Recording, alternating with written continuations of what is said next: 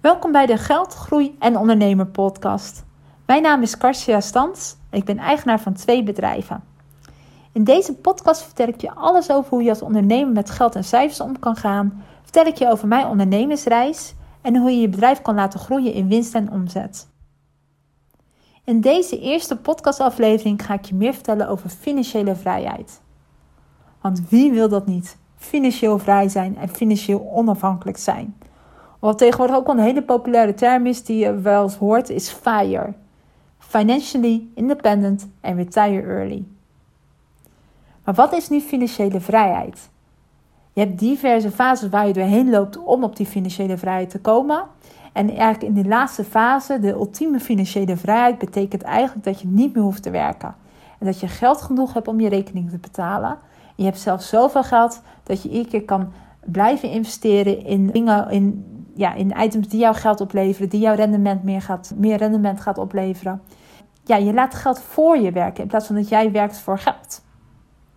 Er zijn inderdaad een aantal fases waar denk iedereen doorheen gaat om financiële vrijheid te, bereiken, uh, te bereiken.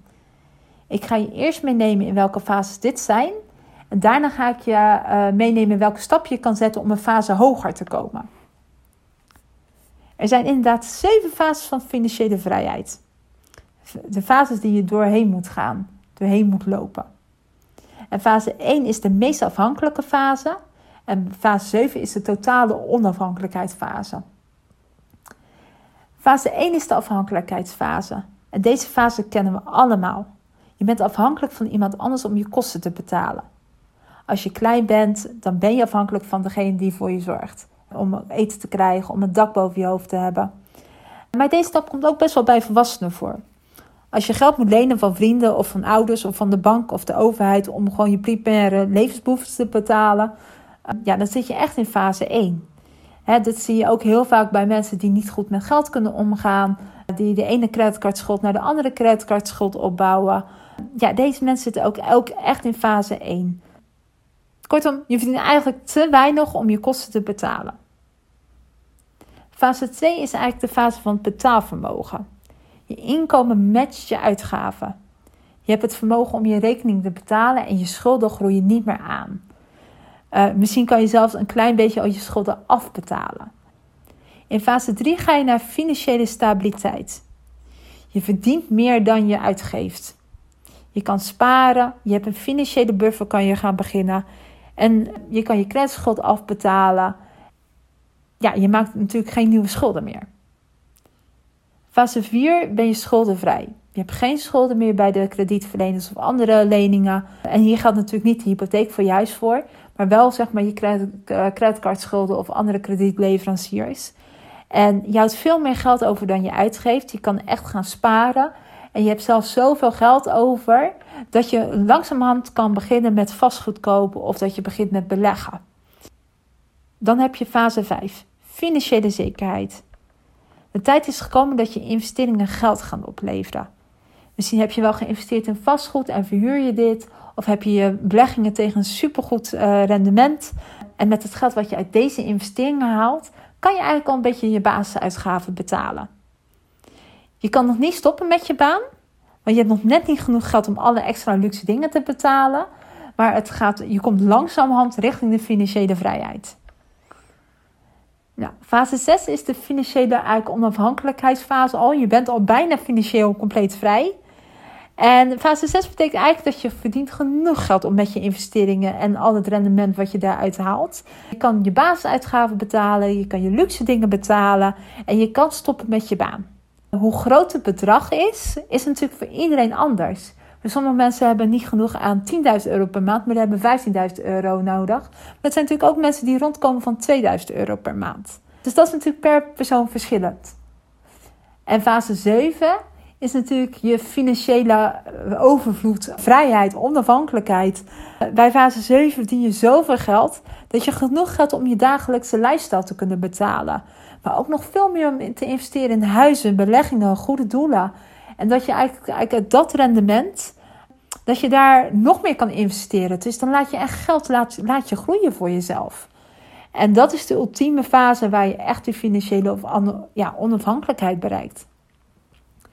En als je dan zo die fases hoort, dan, is natuurlijk de, dan heb je zelf echt wel de vraag gesteld van ja, maar welke fase zit ik dan? Ehm, in welke fase ga jij financiële vrijheid al ervaren? Want dat is echt persoonlijk. Uh, niet iedereen wil fase 7 bereiken. Omdat er ook nog best wel veel dingen, haken en ogen aan zitten om die fase 7 te bereiken. Ik vertel je daar zo meer over, over de haken en ogen. Maar ik ga je eerst vertellen van hoe kom je nu van als je in fase 2 of 3 zit, hoe kom je dan naar fase 4? Of hoe als je in fase 5 zit, hoe kom je dan naar fase 6? En er zijn een aantal stappen die je kan nemen. En ik denk dat de belangrijkste stap is dat, is, dat je doelen stelt. Stel financiële doelen voor jezelf. Wat wil je over twee jaar bereiken? Wat wil je over vijf jaar bereiken? Wil je over vijf jaar een mooi huis in de natuur hebben in de bergen? Ja, gewoon geen financiële zorgen meer hebben. Stel even op wat je financiële doelen zijn. Maak het concreet. Zeg hoeveel, wanneer je het wil hebben, maar ook hoeveel geld je daarvoor nodig hebt. Hoeveel geld heb je nodig als jij een huis in de natuur wil hebben volgend jaar of over vijf jaar? Uh, wat moet je dan verdienen? Hoe ziet jouw leven er dan uit? En uh, als je die doelen hebt, dan weet je in ieder geval waar je naartoe werkt. En dan kan je eigenlijk naar stap 2, en dat is overzicht maken. Er zijn heel veel mensen die in een hele financiële situatie geen overzicht hebben. Er komt geld binnen, er komt geld uit, of je nou ondernemer bent of uh, gewoon uh, privépersoon of in loondienst. Maar de meeste, heel veel mensen weten niet wat er nou eigenlijk binnenkomt en vooral niet wat eruit gaat. En ik denk dat een van de belangrijkste voorwaarden is dat je overzicht hebt en inzicht hebt wat er gebeurt in jouw geld. In jouw privéuitgaven, in jouw zakelijke uitgaven, maar ook in je inkomsten. En pas als je dat inzichtelijk hebt, dat je weet hoe je geld verdient en hoe je het ook weer uitgeeft, dan pas kan je ook inzicht krijgen. En kan je ook werken naar het doel wat je net hebt gesteld. Want dat is eigenlijk stap 3 van bepaal waar je aan gaat draaien. Bepaal hoe je van waar je nu staat uh, komt naar waar je over vijf jaar of over tien jaar wil staan. Dat je dat huis in de natuur wilt kopen. Er zijn natuurlijk altijd twee knoppen waar je eigenlijk kan draaien. Dat is natuurlijk de inkomstenkant en de kostenkant. En eh, zeker als ondernemer eh, zijn er zoveel manieren mogelijk om geld te verdienen. En natuurlijk ook als privépersoon, als je natuurlijk in loondienst bent, dan kan je natuurlijk ook een andere baan gaan zoeken waar je meer kan verdienen. Maar als ondernemer ben je daar veel vrijer in. En ik denk dat het ook is dat je ook heel goed gaat bedenken welke verdienmodellen je wilt toepassen. Weet je, hoe ga jij geld verdienen en hoe ga jij eh, meer geld verdienen? Want soms richten we ons ook als ondernemer op producten of diensten die zeer verlieslatend zijn. Dat is natuurlijk super zonde. En een andere knop waar je aan kan draaien zijn, is natuurlijk de kostenkant waar, ja, waar geef jij geld aan uit? En je zal zien als je dat gewoon doorneemt, dat er heel veel uitgaven zijn die eigenlijk niet bijdragen aan je doel of niet bijdragen aan je onderneming. En daar kan je af en toe ook best in schrappen. Ja, of niet schrappen en dat je meer gaat verdienen om het toch te kunnen betalen. Dus dat is denk ik eigenlijk het hele spelletje van ja, bepaal waar je naartoe wil, kijk waar je nu staat en waar je naartoe wil gaan.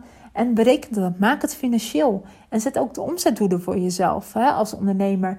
Maar wil je over een jaar, heb je 10.000 euro nodig? Uh, extra. Nou, bepaal hoe je die 10.000 euro voor elkaar gaat krijgen. En zet daar doelen op en hou je daar ook streng aan. Dan word je vanzelf ook creatief. En natuurlijk ook allemaal met money mindset te maken. Daar maak ik nog wel een aparte aflevering over.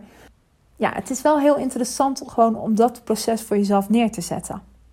Stap 4 heeft eigenlijk ook een beetje te maken met de haken en ogen van als je inderdaad in uh, fase 6, hè, dat je inderdaad al heel veel geld gaat investeren, dat je je baan kan opzeggen. En fase 7, de totale overvloed. Uh, daar heeft stap 4 wel heel erg mee te maken. Want wat, wat ik merk en wat ik ook in mijn omgeving merk en ook bij mezelf heb gemerkt, is dat je eigenlijk heel weinig weet hoe je geld kan vermeerderen. Je leert van school alles over journaalposten en over hoe de economie werkt maar eigenlijk niks over hoe je praktisch met geld moet omgaan. we weten natuurlijk allemaal wel dat je een baan nodig hebt om geld te krijgen, maar we hebben nooit geleerd hoe je het moet vermeerderen. Ja, weet je, je krijgt natuurlijk wel op school gewoon les over wat aandelen zijn en opties zijn en al. Maar om het zelf te gaan doen, hoe je moet beleggen, en ook hoe je bijvoorbeeld vastgoed eh, verkoopt of hoe je in kunst moet investeren. Zijn natuurlijk echt duizend manieren om te investeren om het later weer te verkopen voor meer geld. Maar dat leer je niet op school. En dat is zo belangrijk dat je daar tijd in gaat steken om dat te leren.